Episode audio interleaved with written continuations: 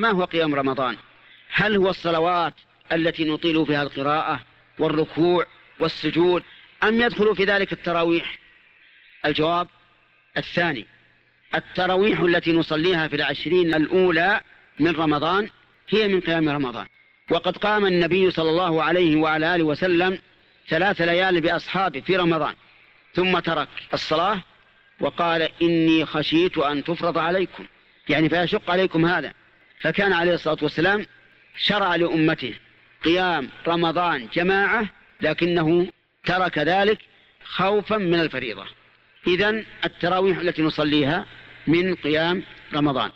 ولكن نشاهد الآن أننا لا نقوم الليل كله في التراويح.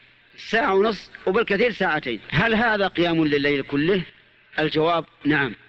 قيام لليل كله. لأن النبي صلى الله عليه وعلى آله وسلم صلى بأصحابه ثم انصرف فقالوا يا رسول الله لو نفلتنا بقية ليلتنا. معنى نفلتنا يعني زدتنا حتى يطلع الفجر.